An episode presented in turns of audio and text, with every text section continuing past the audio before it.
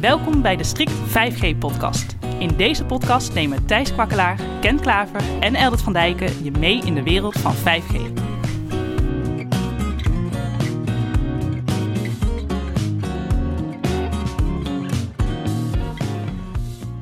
Dit is de Strict 5G-podcast. Ik ben Thijs. Ik ben Eldert. En ik ben Ken. In onze zeventiende aflevering alweer hadden we het over het onderwerp publieke veiligheid en 5G. We hebben toen gehad over veel ontwikkelingen die eraan lijken te komen voor missiekritisch 5G. En missiekritisch 5G is eigenlijk de benaming die we gebruiken voor als 5G wordt ingezet bij diensten, verbindingen die het altijd moeten doen, waar dus ook heel veel van afhangt. Nu in 2024 worden steeds meer stappen gezet. Dus vandaag, hoe staat het er eigenlijk voor met missiekritisch 5G? Nou ja, 5G is gewoon een briljante radiotechnologie waar je heel veel leuke dingen mee kan doen. En op het moment dat je het goed ontworpen hebt, kun je er een behoorlijk betrouwbare radioverbinding mee realiseren. Uh, op basis waarvan je, denk ik, missiekritische communicatie mogelijk kan maken. Maar in zijn algemeenheid is de missiekritische 5G-netwerken uh, uh, wordt bedacht of, of zeg maar wordt gedefinieerd als iets wat je nog toevoegt aan een standaard 5G-netwerk, namelijk een missiekritische communicatieserver, een MCX, hè, dus missiekritische communicatie, die gekoppeld wordt aan een 5G-netwerk en de controle heeft over bepaalde specifieke verbindingen die met prioriteit altijd door het netwerk heen moeten. Je zou verwachten dat dat soort dingen juist in die 5G-standaard worden opgenomen. Dat zijn ze nu ook, maar dat is, uh, ja, zeg maar toch meer een, een industrie-specifieke ontwikkeling die niet standaard in uh, zeg maar consumenten 5G zit.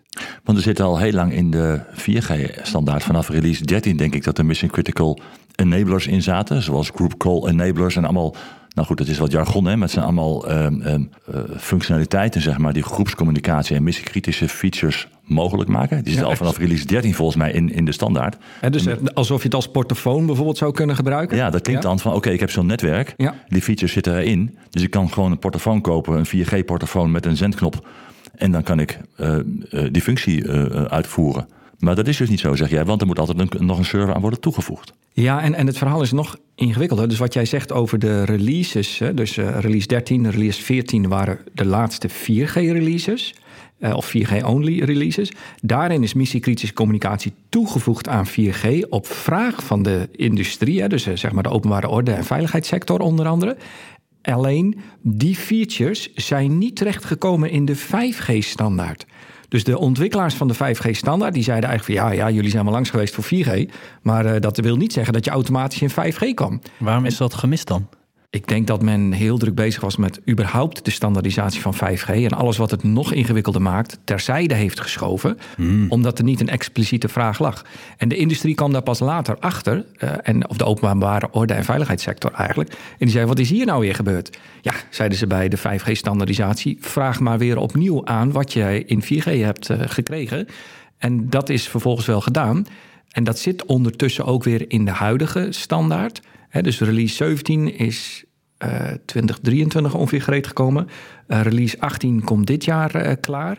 En in release 18, uh, als je dat hebt, dan heb je alle functionaliteiten weer ongeveer terug. Maar je zegt release 18, voordat we overgaan van release naar dat het ook daadwerkelijk gebruikt kan worden, daar zit volgens mij best wel wat tijd tussen. Ja, want dat is inderdaad het volgende probleem. Want welke release zitten we nu?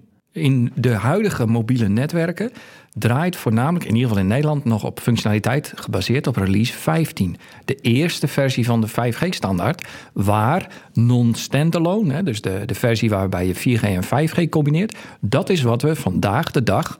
En dan praat ik in voorjaar uh, of het begin van het jaar 2024. Dat is het enige wat we nog in Nederland hebben op 5G. Je verbinding wordt opgebouwd met 4G maakt vervolgens voor hogere datasnelheden eventueel gebruik van 5G. En dat is de 5G die we op dit moment hebben. Maar dan hebben we die. Ja, nu hebben we nog een non-standalone. Straks krijgen we standalone. Ja. Straks krijgen we release 17, release 18 ook uitgerold in onze netwerken. Ja. Daar zitten die missiekritische features dan in? Of maar... nog niet? Da en, en dat is weer een ander aspect. Ja, exact. Want dan heb je dan alsnog die, die externe MCX-server nodig. Of een server die zeg maar, die features toevoegt aan het netwerk. Of mag je verwachten, omdat het nu gestandaardiseerd is, dat je dan gewoon naar de portofoonwinkel stapt en zegt: joh, ik wil een, een push-to-talk portofoon op 5G. En dan kan ik daarmee communiceren. Nee, maar je moet het eigenlijk vergelijken bij een luxe autodealer. eh, Zoals een Audi bijvoorbeeld. Op het moment dat jij een Audi bestelt, wil nog niet zeggen dat jij alle features krijgt die je op zo'n Audi als optie kan nemen. Je moet stoelverwarming bijbestellen tegenwoordig als abonnement. Nou, en, en dit is ook zeg maar aan de hand met mobiele netwerken. Op het moment dat een mobiele operator zegt tegen een grote leverancier als Huawei, een Nokia of een Ericsson of een ZTE of tegenwoordig ook Samsung. En je zegt, nou, doet u mij een mobiel netwerk? Oh, dat is prima, zeggen ze. Welke opties wilt u daarbij? Wilt u de optie portofonie? Eh, nou, dat weet ik niet. Wilt u de optie missiekritisch? Eh, dat weet ik niet. Wilt u de optie prioriteitsfuncties? Dat betekent, het zit dus wel in de standaard, maar de leverancier bepaalt of het in zijn feature set of of zijn apparatuur wordt geïmplementeerd. Dat is één deel. Dus of het überhaupt door de leverancier in de software wordt gemaakt. Ja. En vervolgens wordt dat vaak als een apart onderdeel met een aparte licentie, Licentie. en jaarlijkse kosten verkocht aan gebruikers. En de gebruikers zijn de mobiele operators. En het is dus eerst de leverancier die bepaalt: stop ik het in mijn product en wanneer komt het beschikbaar? Tweede is de mobiele operator die zegt: Nou, ga ik het aanschaffen en ga ik dat product ontwikkelen in mijn netwerk? Dus op het moment dat ze iets gekocht hebben, werkt het absoluut nog niet. Want ze moeten het nog opnemen in hun hele eh, netwerk, testen, de functionaliteit uitbrengen, met marketing praten over hoe ze het op de markt gaan brengen, eh, met operations praten over hoe ze het gaan testen en onderhouden. En zeg maar, op het moment dat een standaard klaar is, duurt het maar zo twee jaar voordat deze specifieke functionaliteit beschikbaar is in de software. Vervolgens duurt het op het moment dat een mobiele operator besluit om die functionaliteit binnen te nemen, maar zo één tot twee jaar voordat ze die functionaliteit op de markt kunnen uitbrengen. En sommige operators kunnen sneller. Hè, dus ik, ik wil daar niet, eh, zeg maar, dit is het standaard. Maar voor een redelijk gemiddelde kun je van dit soort termijnen uitgaan. En dan pas komt het dus op de markt beschikbaar. Ja, dat geldt voor private 5G-netwerken natuurlijk niet. Want dan kan je natuurlijk zeggen, nou, ik heb voor een enterprise of voor een bedrijf heb ik een private 5G-netwerk nodig. Dan kan je natuurlijk kopen wat je wil. Klopt. En er zijn diverse kleinere leveranciers die ook zeggen van nou, ik breng geen volledige release 17 uit, maar van de 500 dingen die bijvoorbeeld gedefinieerd worden als optionele features in de release 17, pak ik die 20 of 30 die relevant zijn voor missiekritische communicatie, die voeg ik toe aan mijn product, hè, dus met de, met de softwareontwikkeling, en breng ik dan op de markt. Want er zijn maar heel weinig grote partijen die de volledige functionaliteit van de standaard ook daadwerkelijk in hun productportfolio opnemen. Voilà, en vandaar dat je ook voor, in ieder geval nu nog, ook voor eh, MCX-functies aparte apparatuur nodig hebt. Een aparte server, aparte software. Of staat dat, daar nog weer naast? Ja, correct. Het staat daarnaast. Dus de eh, mobiele netwerken, zoals een 5G-netwerk gedefinieerd is en we kennen, met een radiodeel en een core-deel, heeft nog een additionele functie nodig, een externe server. En dat is de missiekritische server die je nog toe moet voegen aan je netwerk. Net als een AMS, zal ik maar zeggen, later is toegevoegd. Sterker nog, MCX heeft een AMS nodig om te functioneren. Ja, precies, ja. Dus je hebt een, en de AMS is verantwoordelijk voor spraak. En die, heeft, eh, die heb je dus ook nodig bij missiekritische communicatie. Dus je moet zeg maar een aantal dingen toevoegen aan je originele netwerk. om die additionele functies beschikbaar te krijgen. En dan moet je nog kijken van nou, hoe ga ik dat inrichten en uh, hoe maak ik dat beschikbaar op de markt. Ja, nou, dat is denk ik goed om te weten. Want nu denken mensen misschien van... oké, zometeen heb ik 5G en heb ik al die features die uh, al lang geleden beloofd zijn. Inclusief missiekritische push-to-talk en data en video, noem maar op. Dat, ja, dat is dan wel gestandaardiseerd. Maar dat wil niet zeggen dat als een netwerk dat aanbiedt... of een operator het aanbiedt, dat je het ook automatisch krijgt. Dat hangt van een aantal factoren af, zoals je net al uitgelegd. Ja, eigenlijk is dat hetzelfde als je naar een luxe automerk uh, toe gaat. En vooral de Duitsers hebben daar een handje in. Op het moment dat je een auto bestelt, dan heb je nog niet per definitie al die prachtige dingen die ook in de folder staan. Dat kan, maar dan moet je wel allemaal aankruisen en ook allemaal betalen. En soms is de leeftijd daarvan daardoor wat anders, omdat speciale functies soms wat een langere leeftijd hebben. En dat, dat kan ook allemaal. Ja, maar als je hem bestelt en je hebt hem geïmplementeerd gekregen, dan is hij wel gestandaardiseerd. En zou die ook interoperabel zijn met apparatuur van andere merken. Dus je ecosysteem, ook je randapparatuur en noem maar op, dat daarmee communiceert. Dat, ja. dat zou dan goed moeten gaan, mits die standaard op dezelfde manier geïmplementeerd is. Correct. Alleen, uh, ik denk dat je uh, zelf ook uit ervaring spreekt, Ken. Ja, ik, ik, ik, breng hem niet voor niks op, hè? dat je in heel veel van dat soort gevallen toch nog steeds moet testen. Werkt het uh, functie van merk A goed met het andere deel van het product van merk B?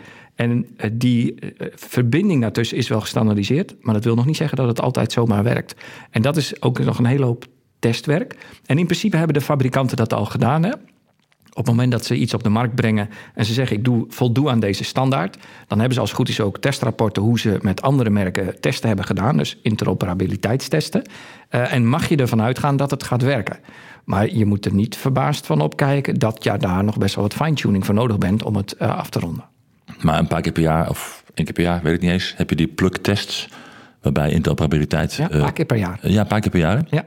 Interoperabiliteit tussen apparatuur van verschillende fabrikanten wordt uh, getest. Specifiek voor MCX. Specifiek voor MCX. Ja, ja, gebeurt ook al heel veel. En je ziet ook dat het success rate, dus het aantal keren dat testen uh, gelukt zijn, echt aanmerkelijk is toegenomen de afgelopen jaren. Dus de interoperabiliteitspercentage is echt wel toegenomen. Ja, en wat bedoelen jullie dan als je het hebt over die interoperabiliteit? Want dat zegt mij op dit moment niks en misschien de, de luisteraar ook niet. Nee, nou ja, je moet je voorstellen, nu heb je een mobieltje waarmee je belt. En je hebt een mobieltje, laten we zeggen een iPhone. En je belt met een netwerk van een mobiele operator die apparatuur heeft van een, van een merk. Ja. Nou, dat praat met elkaar, maar dat kan niet zonder meer goed gaan. Er zijn afspraken gemaakt, die zijn natuurlijk vastgelegd in standaarden. Het gaat over allerlei functionaliteiten en over technische specificaties, over interfaces, over signalering, berichtjes die heen en weer gaan om die, die, zo'n gesprek tot stand te brengen, noem maar op. Uh, spraakkwaliteit, je kan het geen niet verzinnen al die features moeten worden getest om ervoor te zorgen dat zo'n oproep ook echt kan worden uh, ge gemaakt. Ja. En uh, nou, dat wil je natuurlijk niet alleen maar tussen een iPhone en die operator. Ja. Met, wil je met een Samsung, wil je met alle soorten mobieltjes kunnen.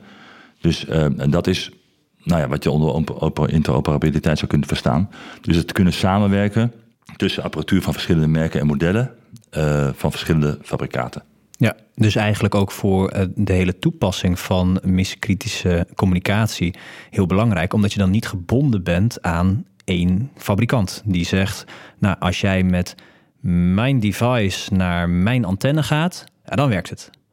Dat, dat, wil je natuurlijk niet. Je wil zo open mogelijk ecosysteem, waarbij je als klant vrije keuze hebt. Ja. En dat is ook goed voor de marktwerking. Want uh, hoe meer apparatuur er is van verschillende merken die met elkaar samenwerken, dan krijg je meer concurrentie. Ja. En dan kunnen de prijzen dalen. Of je hebt meer innovatie. Uh, en en wellicht. Ja. Bij Tetra is dat ook het geval. Hè? Dus bij huidige portofonienetwerken. De Tetra-standaard is zo dat als je een radionetwerk hebt van merk X, werkt dat met de porto's van merk Y. En natuurlijk moet je dat soms nog wel een beetje testen, vooral voor specifieke functies. Maar in zijn algemeenheid mag je ervan uitgaan dat het werkt. Hetzelfde zijn we natuurlijk ook gewend van onze normale mobieltjes. Of je nou een iPhone of een uh, ander merk, uh, of een, mooie nieuwe Samsung of een, of een OnePlus koopt en die koppel je aan uh, een simkaart van Odido of Vodafone of van KPN. Daar hoef je je geen zorgen over te maken als consument. En dat is een groot voordeel. Let wel, in niet alle landen is dat het geval. Hè. In Amerika zijn er nog netwerken die veel minder compatibel zijn. Dus als je van operator verandert, dan moet je zeg maar naar een heel ander merk toestel en naar andere uh, simkaartachtige dingen. En dat is ondertussen wel aan het recht getrokken worden. Maar er is best een tijd geweest dat dat in Amerika absoluut niet het geval was. Dus die netwerken waren niet compatibel qua technologie. In Nederland en in Europa hebben we dat gelukkig wel. Maar op het moment dat je naar MCX toe gaat, heb je op je toestel nog een additioneel stukje software die voor de communicatie met de MCX server zorgt. En uh, dat, is, dat stukje software moet door de fabrikant wel weer gestandardiseerd worden op het type toestel wat jij wil gebruiken. En dat maakt het ook nog wel wat ingewikkelder. Want over het algemeen, als je in missiekritische omgevingen praat en je bent als hulpdienst actief of als BHV'er of op een andere plek voor je operatie verantwoordelijk, dan heb je meestal toch niet de standaard type toestellen, maar graag een ruggedized toestel. Ja. Of met een alarmknop erbovenop. Nou, ik weet niet of jullie dat eh, bij jezelf al eens hebben gezien, maar bij de standaard Samsung of standaard iPhone eh, zit geen alarmknop bovenop. Um, of er zit aan de zijkant een speciale brede knop om uh, te kunnen converseren met je collega's. En soms wil je een toestel wat net wat groter en robuuster is, dat als je handschoenen aan hebt, uh, omdat je dat voor je werkomgeving nodig bent, dat je de boel ook nog steeds kan bedienen. Dus kom je al op speciale toestellen uit. Nou, die toestellen uh, zijn allemaal wel weer wat specifieker. Voldoen als het goed is wel aan een standaard. Ja. Maar daar heb je toch wel wat meer ja, testwerk aan voordat het zeg maar in een missiekritische omgeving het zomaar gaat doen. Als we dan uh, de blik ietsje verder naar de toekomst uh, leggen, want uh, nou, de release 18, dan hebben we eigenlijk alles wat we zouden willen. als je heel snel kan zijn met misschien een private netwerk, heb je het misschien over een jaar met, met een bepaalde tijd ook geregeld. Als je moet wachten op de operator, zal het ietsje langer duren, omdat zij natuurlijk ook hun netwerk moeten upgraden. Maar wat hebben we dan? Nou, misschien nog even één stapje terug. Er zijn al operators die in Nederland missiekritische diensten aanbieden. doordat ze zeg maar vooruitlopend op de standaard een proprietary, dus een, een vendor of een, of een leverancier specifieke oplossing bieden. Waarbij je een server krijgt van een leverancier in hun netwerk. gekoppeld aan het mobiele 4G of 5G-netwerk gekoppeld aan een, uh, een ruggedized, hè, of een, een stuiterbaar toestel, uh, kun je ook zeggen. Met een app erop. ja, met, met software uh, daarop. En daarmee kun je al, al diensten draaien. Nou, Ken, jij hebt daar ondertussen ervaring mee. Thijs, jij ook. Hè? Je kunt best missiekritische netwerken en functionaliteit bouwen in een private omgeving of gebaseerd op operatordiensten. Ja. Dat is nog niet helemaal vrij van kinderziektes, is onze ervaring. Maar het is gewoon ongelooflijk complex om een fatsoenlijk missiekritisch netwerk neer te zetten. Waarbij niet alleen het over het radionetwerk gaat, hè, waar wij graag over praten. Maar je hebt het ook bijvoorbeeld over laadrekken. En je hebt het bijvoorbeeld ook over uh, hoesjes voor die toestellen. En over uh, of je het aan je riem kan koppelen. Want anders vinden de medewerkers het niet fatsoenlijk uh, ja, maar je, werk. Je zijn het zelf al. Er zijn nu drie operators in Nederland. En een aantal daarvan bieden dit soort diensten aan. Maar die zijn onderling niet compatibel. Dat is het gevolg inderdaad van die fabrikantspecifiek. Proprietary of een leveranciersgebonden oplossing. De ene operator heeft gekozen voor merk A, de ander voor merk B. Uh, ondanks het feit dat men zegt die oplossing is 3GPP compliant, hè, zoals het dan heet, dus ja. voldoet aan de standaarden, uh, zijn ze toch niet uitwisselbaar. Je kan niet met een mobiel van operator A, zo'n residential mobiel met die speciale app erop voor missiekritische communicatie, ja. kan ik praten met een mobiel van operator B. En ik vraag me af of dat erg is, Ten. Nou, nee, dat, dat, zeg ik ook niet. Maar het is wel een, gek dat je zegt van nou, men voldoet aan de standaard. Ja. Want allemaal hebben ze prioriteit boven regulier mobiel verkeer. Ja. Want dat wil je als missiekritische dienst. Hè? Dat als een mast volloopt omdat het druk is, wil je als hulpverlener voorrang hebben op de rest. Dat doen die operators die dat bieden, zeggen ze dat allemaal. Ja. Ze voelen allemaal aan die standaard. Maar toch zijn ze niet uitwisselbaar. Nee, en, en ik vraag me dus af hoe belangrijk dat is. Want op het moment dat je uh, zeg maar wil meedoen met een andere operatorsnetwerk, moet je toch een andere simkaart in je toestel stoppen. Je kunt niet van het ene operatornetwerk naar het andere operatornetwerk springen. Ja, tenzij je daar weer een speciale uh, oplossing voor hebt, hè, zoals LIFO uh, dat bijvoorbeeld kan bieden. Maar in principe kun je niet zomaar van de ene netwerk naar de andere. En het andere aspect is, je kunt zeggen, ja, die, uh, die diensten zijn onderling niet uitwisselbaar. Maar ja, ik heb sowieso voor elk nieuw ding wat je op je telefoon wil doen, moet je vaak weer een app installeren. En het gevolg hiervoor is, is dat je, als je net een andere server wil praten, moet je de app van dat merk server installeren. En dan pas doet hij het. Kijk, het is ook waar wat je zegt, want het is niet zo erg kan me niet voorstellen in situaties dat het wel erg is. Want het zijn natuurlijk closed user groups. Het zijn allemaal. Het zijn gesloten gebruikersgroepen, ja. Ja, weet je, de, de klant waar ik nu zit en waar jij zit, Thijs en op. Het zijn allemaal op zichzelf staande organisaties die hun eigen communicatiebehoeften daarmee afdekken. Ja. Het is niet zo dat het, mijn klant met jouw klant hoeft te praten. Nee, maar wat je uh, wel hebt, is dat je uh, voor, de, voor de lange termijn, dus voor de toekomst, wil je wel wat vrijer kunnen zijn in je keuze. En als je dus zit met apparatuur waarmee je dus eigenlijk gewoon gebonden bent aan een bepaalde leverancier, dan heb je geen keuze. Ja, um, maar ik vraag me af hoe erg dat is. dus je hebt keuze in, in radionetwerkleverancier ja. op dit moment. Dus op het moment dat het 4G, 5G gebaseerd is... dan kun je zeg maar bij de meeste vendoren aankloppen... mag ik van u een, een radionetwerk en een core en uh, alles wat daarbij hoort. Ja. En bijna alle zullen ze dat jou willen leveren. Vervolgens heb je een hele brede keuze in welk type toestel je wil hebben. Of dat uh, dan een, een, een ruggedized of een minder ruggedized... of met een hoesje of een crosscall of, of, of, met een uh, Sonim... of, of welke dan je dan ook kiest. Uh, er zijn heel wat merken met ruggedized uh, toestellen. En ik noem ze echt niet allemaal. ik, doe, ik, wil er ook geen tekort doen, hè, maar er zijn er nog veel meer. Um, dus je hebt al een hele vrije keuze in device. Je hebt keuze in, in je netwerk. Je hebt dan alleen nog niet zoveel vrije keuze in combinatie van app met server. Maar ja, dat hebben we nu ook niet. Als ik uh, een stukje software van uh, uh, Instagram installeer, of de app van Instagram installeer, dan koppelt dat uiteraard alleen met de Instagram-service en niet met de Facebook-service. Ja, op de achtergrond wel, maar dat weten we. Dat is een verkeerd voorbeeld. Precies, maar het zijn zeg maar andere servers waar je mee communiceert. Ja. En dit communiceert niet met Amazon. Nee, want als je met Amazon wil communiceren, moet je eerst de Amazon-app installeren. En dat zijn we eigenlijk als gebruikers, vinden we dat ook heel normaal in deze wereld.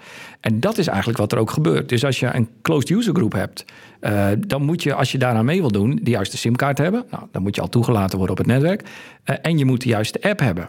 En er zijn leveranciers van uh, uh, oplossingen die zeggen: ja, wij hebben onze software getest met merk X, dat type, merk Y, dat type, merk Z, dat type. Uh, en wilt u een ander type toestel gebruiken, dan kan dat. Maar dan moeten we eerst onze software even testen of die goed werkt met de alarmknop en of het goed werkt met de, de de praatknop aan de zijkant. Nou, dat, dat kun je je voorstellen met een stukje integratie. Dus dat die standaardisatie op dat niveau niet ligt, vind ik eigenlijk helemaal niet een issue. Niet voor gesloten gebruikers. Nee, ik zat even te denken, er is misschien toch een situatie waarbij dat een rol kan spelen. Dat is bij fallback. Als je uh, zo'n afspraak hebt gemaakt met een provider die dus zo'n dienst aanbiedt. En ondanks de garanties die je hebt afgesproken met die partij, zou je zeggen van, goed, nou stel je voor dat dat netwerk het toch niet doet. Ja. Onverhoopt. Ja. Dan zou je eigenlijk willen terugvallen op een andere uh, partij. Nou, daar hebben we natuurlijk live voor, voor maar even dat daar gelaten. Zou je eigenlijk naar een tweede sim willen, waarbij je dezelfde app blijft gebruiken als gebruiker. Want als je kijkt weer een andere app, en dat wil je natuurlijk allemaal niet voor ja. je gebruikers, maar dat je met die app dan op het netwerk van de tweede provider terechtkomt. Nou, er dat zijn gaat... ook wel situaties. Je hebt gelijk, bedoel? Ja, nee, maar er zijn nog wel meer situaties te noemen. Hè. Op het moment dat er zeg maar, ergens iets aan de hand is en de politie is betrokken bij een ongeluk en die zeggen we hebben de ambulance nodig. En ze willen graag contact hebben met de ambulance om te kijken, joh, hoe ver zitten jullie? Of moeten we nog een stukje weg voor je afzetten? Of je moet hier linksaf van de weg is geblokkeerd. Ja. Op het moment dat je dat soort communicatie met uh, je ambulance-collega's zou willen doen, maar dat kan niet, want die zit op een ander netwerk dan begint het vervelend te worden. Ja, maar dan zou je wel kunnen zeggen... misschien moet die koppeling dan niet in het veld plaatsvinden... of in de techniek, maar op de meldkamer. Dat zou je kunnen besluiten. Maar op het moment dat je Ja, zeg eens. maar, de ambulance een ander netwerk geeft dan de politie, die intrinsiek al heel andere technologie hebben, dan heb je daar echt wel eh, uitdagingen. En we zien dat ook internationaal, hè, binnen NATO-verband bijvoorbeeld. Op het moment dat je eh, als eh Bundeswehr, hè, dus de Duitse militairen willen oefenen en dit samen met de Belgen en de Nederlanders willen doen. En je hebt allemaal hele andere technologieën waardoor je niet met elkaar kan communiceren in het veld, dan begint het vervelend te worden.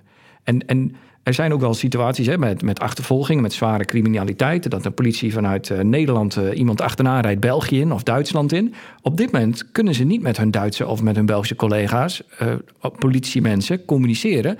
Omdat die netwerken niet aan elkaar gekoppeld zijn. Nee, dat wordt dan via de meldkamers gedaan. Als Ja. het goed is, ja. Ja. Maar dat is wel uitdagend. Het is allemaal tetra. Het is allemaal tetra-standaard. Allemaal aan dezelfde frequentieband. Ja. Allemaal dezelfde standaard. In sommige gevallen zelfs dezelfde apparatuur. Toch gaat het niet samen. Want close user groups. Gesloten gebruikersgroepen. En waarbij Sorry, men ja. niet eh, eh, aan elkaar wil koppelen, want dan ziet men allerlei eh, problemen mee.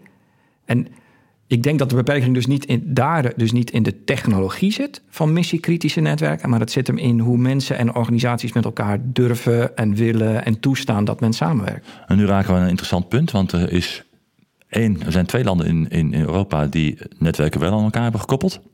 Noorwegen en Zweden. Ja, voor de hulpdiensten. Voor de hulpdiensten. Die hebben het, eh, laten we zeggen, het Noorse en het Zweedse C2000 hebben zij aan elkaar gekoppeld. Ja. Eh, door middel van de Inter- Intersystems Interface, zoals dat dan heet. Ja. Dus voor mij de enige in de wereld die op dit moment operationeel is. Ja, En dat doen ze voor grensoverschrijdende communicatie. ja. Dus er zijn groepen gedefinieerd hè, die grensoverschrijdende achtervolgingen doen. Dan is het daar wat rustiger, misschien komen die niet zo vaak voor, dat weet ik niet. Maar ehm, dat, dat werkt daar dus. ja klopt. Dus het, kan wel, maar dan moet je er wel dingen voor regelen. Dan moet je dus koppelingen tussen netwerken gaan organiseren. Wat nog geen sinecure is. Nee. Nou, daar hebben we het in het verleden ook wel eens over gehad. Zeg maar ook voor het bellen op het moment dat je de grens overgaat. In principe staat al in de 2G-standaard hoe je van het ene netwerk naar het andere, van het ene land naar het andere, eh, kan door eh, blijven reizen. En ondertussen kan door blijven bellen eh, zonder dat het gesprek ophoudt. Dus het kan al in 2G, het kan in 3G, 4G, 5G. Dat is allemaal in de standaard is daarin voorzien. Maar er zijn bijna geen landen waar operators tussen, aan de twee zijden van de landsgrens eh, met elkaar afstemming hebben gedaan hoe je dat voor elkaar kan doen. Vodafone heeft in de tijd werken gehad in bepaalde delen van Limburg gekoppeld met Duitsland. Hè, Vodafone Duitsland, Vodafone Nederland. Ehm, en in de spoorsomgeving is zo'n eh, koppeling tussen ProRail Nederland en het Belgische Infrabel, dus de spoorsomgeving van eh, België. En daar kan een trein door blijven rijden, al bellend. En dat wordt gebruikt voor de veiligheidscommunicatie van de trein. Dus die trein hoeft niet te stoppen op het moment dat hij eh, België inrijdt vanuit Nederland. Die kan blijven eh, communiceren voor de veiligheid en de bewaking daarvan. En zeg maar, er zijn heel veel plekken waar je best voor zou kunnen verzinnen van zou dit niet handig zijn voor allerlei missiekritische communicatie? Nou, dan heb je eerst inderdaad de standaard en de technologie moet hetzelfde zijn.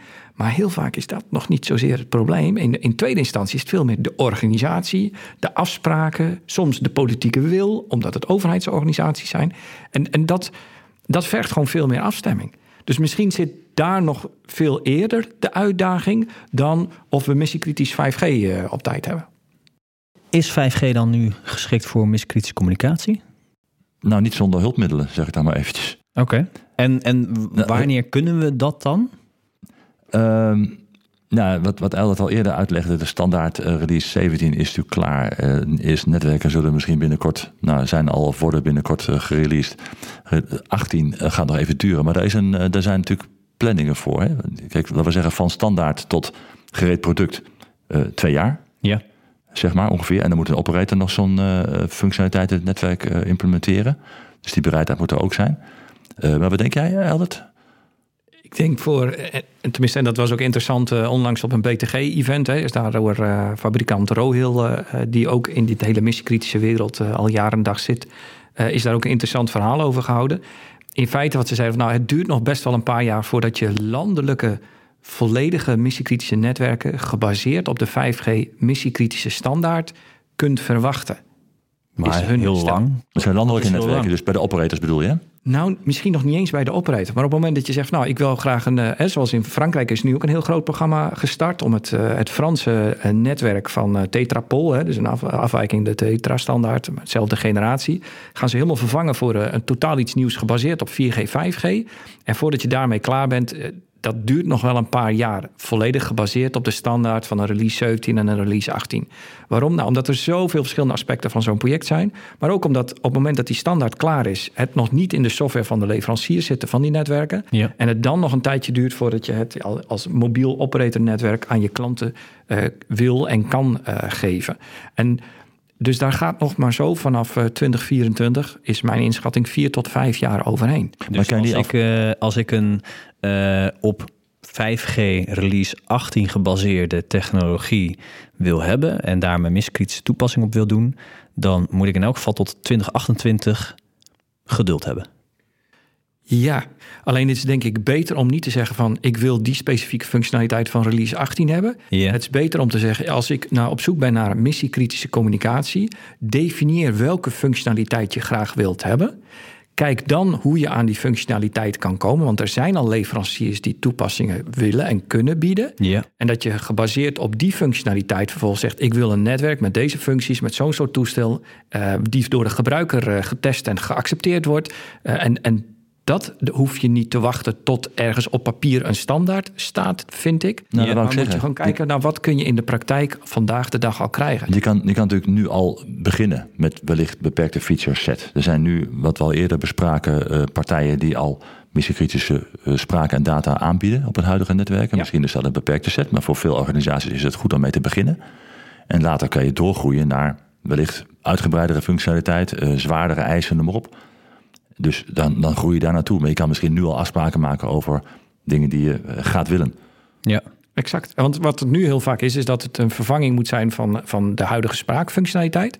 Dat men graag toch er wat meer data aan toevoegt. Hè? Dus dat je meer informatie gaat krijgen. Op het moment dat je een patiënt bij je hebt, dat je via de mobiele uh, radioverbinding ook de patiëntgegevens alvast kan doorsturen. Of de status van de patiënt door kan sturen naar de operatiekamer, zodat men zich kan voorbereiden.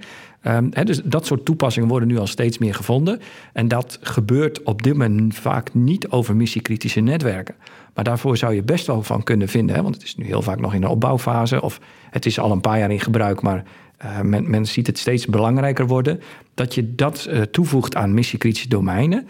Maar wat je waarschijnlijk uiteindelijk wil doen, is dat je allerlei videoverbindingen wil hebben. En, en dan kun je van zeggen: kijk, dat kan met 5G, die heeft veel hogere datasnelheden. Dan kun je dat soort dingen ook gaan toepassen. En daarvoor ja, moet je ja, dat heb je toch niet op dag één. Dus inderdaad, uh, wat je zegt, Ken, begin er vast mee. Uh, test de functionaliteit, breid die functionaliteit uit. En op het moment dat je zegt, ja, maar ik wil nu de totale plaatje hebben. Nou, dan ben je toch al een paar jaar verder. Definieer ook wat het totale plaatje voor jou dan zou moeten zijn. Wanneer. Dus maak ook een roadmap van wanneer exact. heb je wat nodig. Ja, het is onzin om te zeggen, ik heb vanaf dag één en dit en dat en zus en zo nodig. Technisch is dat een enorme uitdaging, maar nog veel groter is dat je organisatie is er vaak nog helemaal niet klaar voor en je mensen zeker nog niet. Dus je moet daar toch in gaan groeien. En dat, tenminste Thijs, wij merken dat ook in een ander project, is dat een van de allerbelangrijkste dingen is dat je de gebruikers leert hoe ze met de spullen om moeten gaan. Ja. En welke functies ze er graag bij willen hebben. Hoor je vanzelf op het moment dat je naar ze luistert. Maar je kunt ze niet tien functies op dag één geven, want dat is gewoon veel te veel. Ja.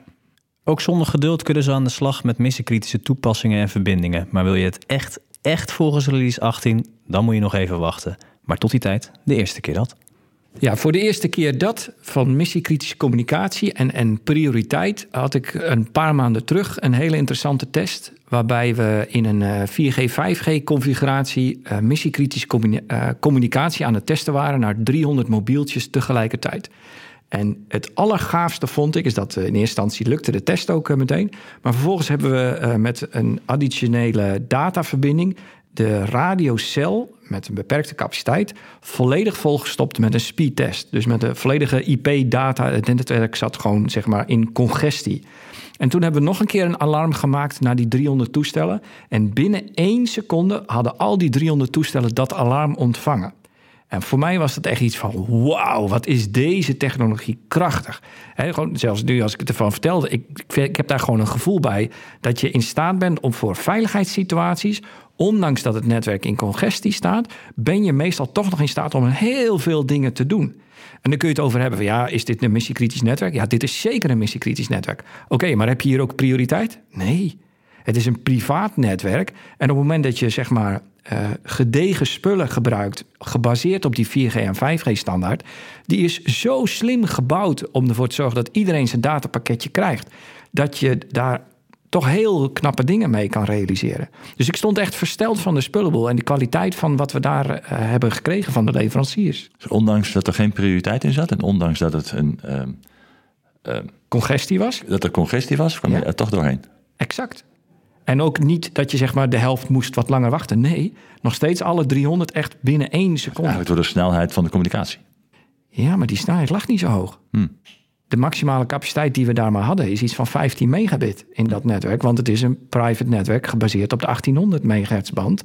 Uh, en daar kun je niet zo heel veel data doorheen voeren. Nee. En, dan, uh, en dan toch nog in staat zijn om zoveel toestellen goed te kunnen aansturen. Ja, het, het ging zeg maar een, een nou, ik moet het even goed uitrekenen, maar volgens mij een factor 100 sneller als het huidige systeem. En qua alarmering. Nou, en dat, dat geeft wel vertrouwen naar de toekomst dat deze technologie echt ook geschikt is voor missiekritische omgevingen. Mooi. Dus ik vond dat, ik, ja, voor mij dat was echt wel een gaaf moment. Ja. Dankjewel. Dit was de Strict 5G podcast met Eldert, Ken en Thijs. Abonneer je op de podcast, zodat je direct weet wanneer er weer een nieuwe aflevering is.